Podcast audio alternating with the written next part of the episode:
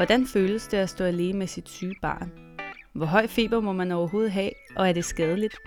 Hvordan bevarer man roen og overblikket, når tallet på termometeret har passeret 39? Hvem skal man søge hjælp hos, og hvor hurtigt skal det gå?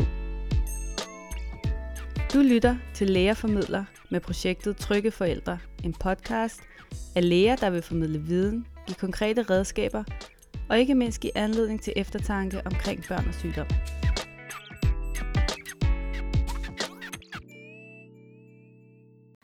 Og velkommen til. I denne delepisode omkring mavepine skal du høre om spændingsmavepine. Jeg hedder Ida Viring Sørensen og er en af grundlæggerne bag Lærerformidler. Lærerformidler består af en gruppe læger, der gerne vil formidle viden om sundhed og sygdom.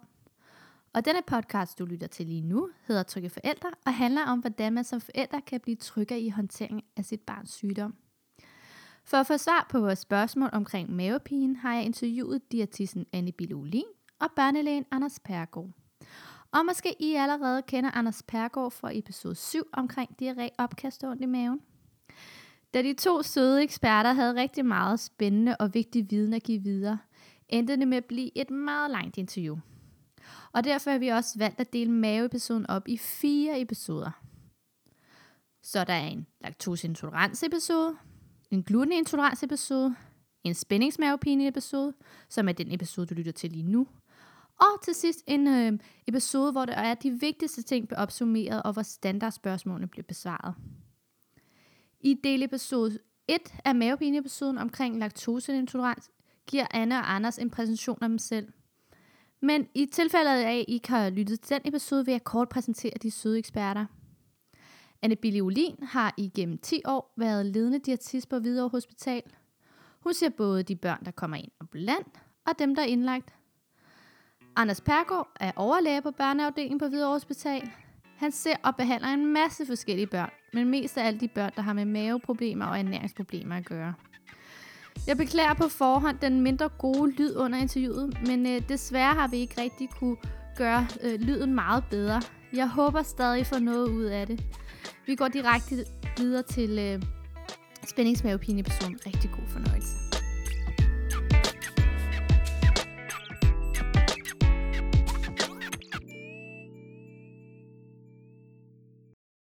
Lad os gå videre til spændingsmavepine. For hvis er man ikke finder nogle konkrete årsager til øh, ondt i maven igennem længere tid, så kan man tale om blandt andet funktionelle mavesmerter eller spændingsmavepine. Og jeg ved jo, du, Anders, er ekspert på det her område, så øh, kan du forklare os, hvad spændingsmavepine er for noget? Ja, jeg kan godt, øh, jeg, jeg kan godt gøre et forsøg øh, men netop det hænger sammen med, at man kan diskutere, hvem der er ekspert, for vi ved ikke så meget om det her faktisk ret almindelige og ret alvorlige problem. Mm. Øh, så man kan godt diskutere, om der overhovedet er nogen, der er eksperter. Men det er i hvert fald sikkert, at henvende sig til en børneafdeling på grund af mavesmerter er meget almindelig. Både når det gælder en akut situation, og når det gælder den mere kroniske situation, som vi sidder og skal snakke om nu. Og årsagerne kan være rigtig, rigtig mange, men langt hovedparten af årsagerne til kroniske mavesmerter er det, du, som du selv kaldte funktionelle mavesmerter. Det vil altså sige en situation, hvor smerteoplevelsen er helt reel. Der er ingen tvivl om, at øh, barnet har ondt i maven, men vi kan sørge ikke finde forklaringen. Og alle undersøgelser, vi laver, de øh, er normale, og øh, vi kan heller ikke, når vi snakker med familien, øh, umiddelbart se, at der skulle være en psykologisk årsag. Men øh, problemet er alligevel, at det gør ondt, hvad vi ikke betvivler. Når børnene siger, at de har ondt, så har de ondt. Og øh, det er dels ret hyppigt, at vi oplever det. Vi har mange henvendelser. Mm. Og øh, i rigtig mange situationer, så giver det rigtig store udfordringer for familiens øh, øh funktion i dagligdagen både når barnet og skolegang, men også derhjemme. Mm. Mm. Så det er et alvorligt problem. Og du siger det hyppigt. Hvilke aldersgruppe ser man det så hyppigst? Det er skolealdersproblem mm. først og fremmest. Det kan også godt, vi kan også godt have øh, børnehavebørn med det her problem, men det er først og fremmest et skoleproblem. Og danske og udenlandske undersøgelser tyder på, at øh, op til 10-15 procent af skolebørn har i perioder en eller anden grad af øh, mavesmerteproblematik. Ja, Øh, så, sådan så der jo i hvert fald er en eller måske mm. to i hver skoleklasse, der, har, der kender til det her. Mm, Men det er jo kun en mindre gruppe af dem, hvor det bliver rigtig øh, alvorligt og øh, kommer til at fylde rigtig, rigtig meget i dagligdagen. mm. Hvilke årsager er der så til øh, spændingsmavepine? Jamen, det ved man ikke. Mm. Det er en black box. Når først man har fået mavepinen, jamen, så kan der godt være nogle ting, der ligesom kan gøre det værre. Og øhm, så kan der godt være, at der er en mild forstoppelse, eller at der er nogle øh, udfordringer med øh, dr- lidt drillerier, eller nervøsitet over for nogle kommende eksamensprøver. Mm. Men den egentlige årsag til, at mavesmerterne er der, det er der ikke nogen, der ved. Vi har en lytter, der gerne vil vide, om en af kendetegnene ved, ved spændingsmavepinen kunne være det, at hvis ens barn vågner op stort set hver morgen med ondt i maven igennem en længere årrække. Ja, altså, det kunne det jo godt være. Mm. Det er jo typisk for det her problem, at det veksler over tid. Mm. Altså gode perioder kommer ind imellem dårlige perioder. Så det ville være meget specielt, hvis det var det samme problem i meget lang tid. Mm. Jeg ved ikke, om det gør mest ondt om morgenen, men det er jo der, hvor problemet måske fylder mest, fordi mm. det er der, man skal afgøre, om barnet kommer i skole den dag eller ikke. Mm. Så for, for de børn og de familier, hvor det er blevet et rigtig stort problem, der kan jeg godt forestille mig, at morgenerne øh, udgør en stor udfordring. Er der nogle andre symptomer, som kendetegner spændingsmavepinen? Det hyppigste, man- det hyppigste er, at de sidder omkring navlen. Mm. Men øh, det er ikke nogen, der er ikke nogen faste regler. Mm-mm. Øh, og det er også meget typisk, at der som regel ikke er andre mavesymptomer end mavesmerterne. Hvornår skal man så tage barnet til lægen, hvis det er, man mistænker spændingsmavepine, nu har slået op på nettet og tænker, det må være det. Jeg, jeg synes først skal man lige tænke over det med ondt i maven. Fordi det at have ondt i maven indimellem, det er altså også en del af et normalt børneliv. Og det, mm. det skal der også være plads til. Så småklager over ondt i maven indimellem, det, øhm, øh, det, skal man, det skal man kunne rumme som småbarnsfamilie. Og de fleste bedsteforældre vil også være fuldstændig bevidste om, at øh, deres børn, altså de nuværende forældre, måske også har haft lidt af det samme, da de var børn. Men hvis det er sådan, at det tager til i omfang og øh, begynder at øh, fylde længerevarende perioder på flere uger eller måske mere, så øh, er det en god idé at, at snakke med lægen. Og det vil der også være, hvis der nu er nogle andre symptomer, som virker, gør forældrene bekymrede. Mm. Det kan være, hvis, hvis der kommer noget diarré, eller hvis der kommer blod i afføring, eller hvis barnet ikke rigtig tager på i vægt, eller har andre mm. symptomer, så skal man, øh, så skal man forbi lægen. Mm. Øh, og det synes jeg også, man skal, hvis det begynder at være et problem med at komme i skole. Så øh, altså dels symptomer, der kunne give mistanke om, at det var noget andet end spændingsmavepine. Dels hvis spændingsmavepinen får et sådan omfang, at, øh, at øh, det kniver med at gennemføre almindelig skolegang, øh, så, er, så er der også ved at vokse op til så øh, massivt et problem, at man har brug for noget hjælp uden for familiens rammer. Mm. Hvordan stiller man så diagnosen spændingsmavepine? Ja, øhm, det er heller ikke noget helt nemt spørgsmål. Mm. Mange gange, når man har set barnet og snakket med familien, mm.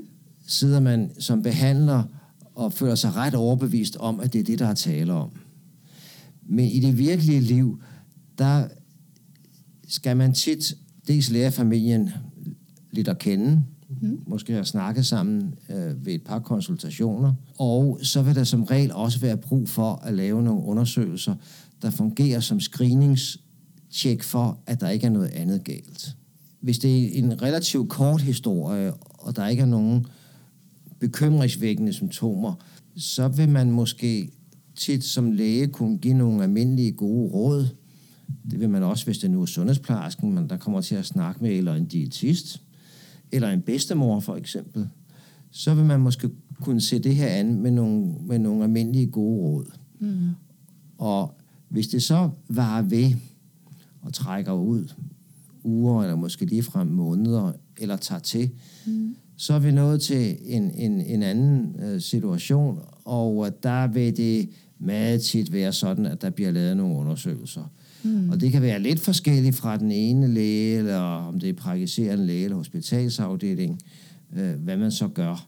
Ja, jeg husker nemlig for, da jeg tror jeg, jeg gik i de mindre klasser i folkeskolen, der gik jeg til daglig og havde, havde sådan lidt ondt i, ikke meget, men bare lidt ondt i maven øh, igennem seks måneder til et år cirka. Men der fik jeg nemlig også lavet en ultralydsundersøgelse af maven, hvor de ikke fandt noget, og de fandt ikke rigtig nogen årsag til det. Det gik så heldigvis også væk efterhånden. At, er der mange børn, hvor undersøgelsen ikke viser noget? Ja, det er rigtig, rigtig mange øh, ultralydsundersøgelser, som er normale. Mm. Og, øh, og det hænger nok også sammen med, at øh, ultralydsundersøgelsen i virkeligheden mest bliver brugt som en øh, et slags sikkerhedstjek, både over for forældrene, men som man også indimellem har lægen brug for at have den ekstra sikkerhed, øh, som øh, der ligger i, at man har en normal ultralydsundersøgelse. Men ser man helt nøgtern på det, hvor meget man finder galt ved de her undersøgelser, så er det mm. ekstremt sjældent, at øh, der kommer en forklaring på mavesmerterne. Mm. Så det er jo så også en af de mest hyppige resultater, at man så ikke finder noget. Hvad vil du så råde forældrene til, når det er, de her undersøgelser ikke viser noget konkret? Jamen, man skal nok øh, i den situation, så, så skal man afklare med sig selv og med resten af familien, at det her, det handler altså om spændingsmavepinen. Mm. Og det vil sige, at man skal ikke fortsætte med at gøre sig andre spekulationer eller tilbringe timer på nettet mm. ved at finde andre årsager til mavesmerter. Fordi det vil ikke øh, være til nogen hjælp, hverken over for barnet eller for, over for en selv. Hvis man har fået lavet vurdering hos egen læge, og der er lavet det her, de her screeningstjek, jamen øh, så skal man handle ud fra, at ens barn har spændingsmavepine, og ikke hvad det ellers kunne have været. Mm. For det er det så ikke. Øh, så accept af det, det, det er første skridt på vejen. Og det næste, det er så også, at man skal tænke på, hvordan man som forældre reagerer over for sit barn. Fordi øh, man skal selvfølgelig vise forståelse og omsorg, men der er en enorm selvforstærkende effekt af det her. Sådan at forstå, at øh, for meget omsorg øh, for meget interesse, for meget fokus på mavesmerterne, mm via nogle mekanismer, som vi måske ikke helt kan forklare, men de har en klar tendens til at, at for, forværre mavesmerterne. Okay. Så det, det gælder om, det er at mm. opretholde skole og sociale aktiviteter, selvfølgelig vise forståelse for, hvis barnet selv udtrykker, at det gør ondt i maven, men også, hvis det kun er i lettere grad ondt i maven, altså hjælpe mm. barnet afsted til fodbold, eller i skole, eller til øh, børnefødselsdag, eller hvad det nu kan være, også selvom det gør en lille smule ondt. Og man skal i hvert fald ikke begynde at spørge ind til det i tid og utid. Anne, du, du, du har måske en kommentar. Jamen, det er jo fordi, at nogle af de her børn øh, med spændingsmavepiner ryger jo også en tid, eller en tur forbi øh, diætisterne. Og noget af det, vi går ind og kigger på, og i hvert fald begynder at have mere og mere fokus på, er jo, at der jo findes jo rigtig mange forældre, der vil deres børn det allerbedste og giver dem rigtig meget god, sund, varieret mad. Mm. Øh, og det indebærer for langt de fleste også en masse fiber, altså fiber mm. fra brød og gryn, men også fra frugt og grøntsager. Så rigtig mange af de her børn får, får fuldkorn og fiber, ligesom en voksen skulle have. Øh, og for nogle af børnene, der kan det hjælpe at gå ind og at reducere mængden af fiber, altså give dem mindre mm. fiber. Okay. Øhm, og det er der jo rigtig mange forældre, der synes er svært, for så synes mm. de, at de skal give dem noget mere lysbrød, og det er der mange, der ikke øh, er så vilde med. Men, men for nogle børn, så, så kan vi gå ind og reducere de her mavesmerter, som kommer af, at, at maden simpelthen fylder for meget, fordi fiber har brug for en masse væske, mm. og for at det kommer igennem systemet, så, så, øh, ja, så er der brug for væske, og så, så hvis man reducerer det, så hjælper det for nogen. Mm. Så det er i hvert fald noget, vi har fokus på, at man ja. faktisk også kan få for mange fibre. Øhm, fordi rigtig mange forældre og børn lever meget sundt i dag. Kan man så gøre noget for at, jeg skal sige, for at undgå eller, eller for at forvære de her tilbagevendende mavesmerter? Ren, ren medicinsk er der ikke rigtig fundet noget, der virker. Mm. Der er noget, der er en vis svag til moderat evidens for, at øh, tilskud af mælkesyrebakterier, altså det vi kalder probiotika, mm. i form af nogle af de øh, øh, frysetørrede eller dråbeprodukter, man kan købe på apotekerne, mm. øh, at de hjælper en, en mindre gruppe af de her børn. Mm. Øh, så det er altid værd at forsøge det i en periode på nogle uger til en måned. Men ellers er der ikke nogen medicinsk behandling, som har vist sig effektiv. Der er både europæiske og amerikanske studier, som peger i retning af, at det, man kalder hypnoterapi, som altså ikke er traditionel hypnose, men mm. sådan en kombination af, at man lærer afslappning, og man lærer det, man kalder coping, hvordan man skal tænke og håndtere, når man oplever smerterne, og mm. øh, hvordan man skal strukturere sin dagligdag i relation til smerterne. Der, der er studier, der viser på, at der tyder på, at hvis, det ikke, hvis man undervises i det på en systematisk måde, mm. øh, at så har det en, en, øh, en, en ret klar og overbevisende øh, effekt på mavesmerterne over tid. Mm. Men det er ikke nogen helt nem strategi, og det er heller ikke nemt at finde danske terapeuter, der har specialiseret sig i lige netop den her problematik. Mm. Men det er sådan set den, til, den tilgang, mm. som har vist sig mest effektiv i, i behandling af spændingsmavepine. Hvordan er så langtidsudsigterne for, for de her børn? Vokser de fra det på et tidspunkt? Det gør de fleste. Mm. Øh, men da det er noget, der veksler over tid med gode og dårlige perioder, mm. så vil det for de flestes vedkommende være sådan, at der kan være en fase på adskillige år, hvor det her i perioder er et problem. De fleste vokser sig fra det. Der er en undergruppe, som fortsætter med at have maveuroer som voksne. Øh, det kan man ikke øh, se mm-hmm. bort fra, men øh, øh, langt de fleste, de, øh, de vil opleve, at øh, det øh, aftager over tid, mm. og pludselig på et eller andet tidspunkt, så kan man ikke rigtig helt huske, hvornår var det, man havde det sidst. Nej. Og, så er det, og så er man færdig med det. Ja. ja.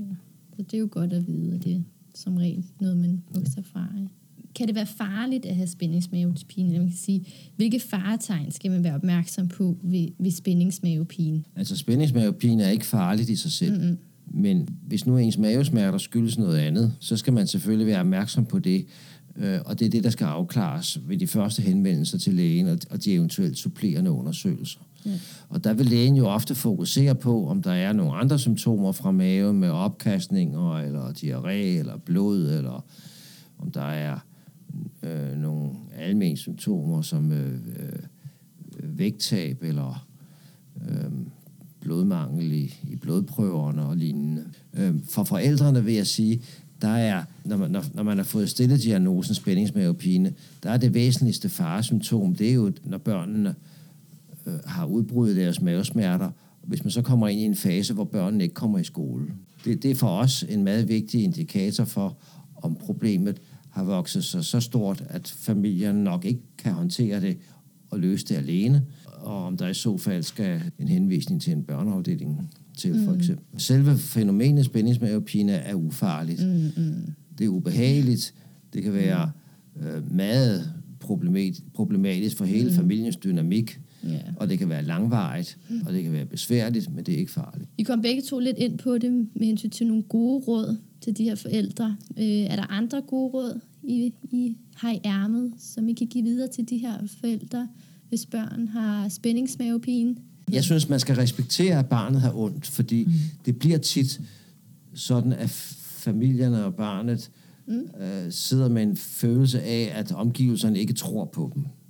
For det er ikke altid, man kan se på børnene, at de har ondt. Så man skal respektere, at det er korrekt, når de siger, at de har ondt. Og så skal man være støttende, men ikke forstærkende om, i, i sin omsorg øh, for barnet. Og det vil sige, man skal støtte barnet, når det har ondt, men man skal ikke øh, lege detektiv selv, og man skal ikke øh, være opsøgende og øh, spørge ind til mavesmerterne. Det skal være sådan, så barnet bestemmer over maven, og ikke maven over barnet. Og mm. det sidste, det bliver tilfældet, hvis man uh, hele tiden er opmærksomhedssøgende. Ja, det er bestemt. bestemt.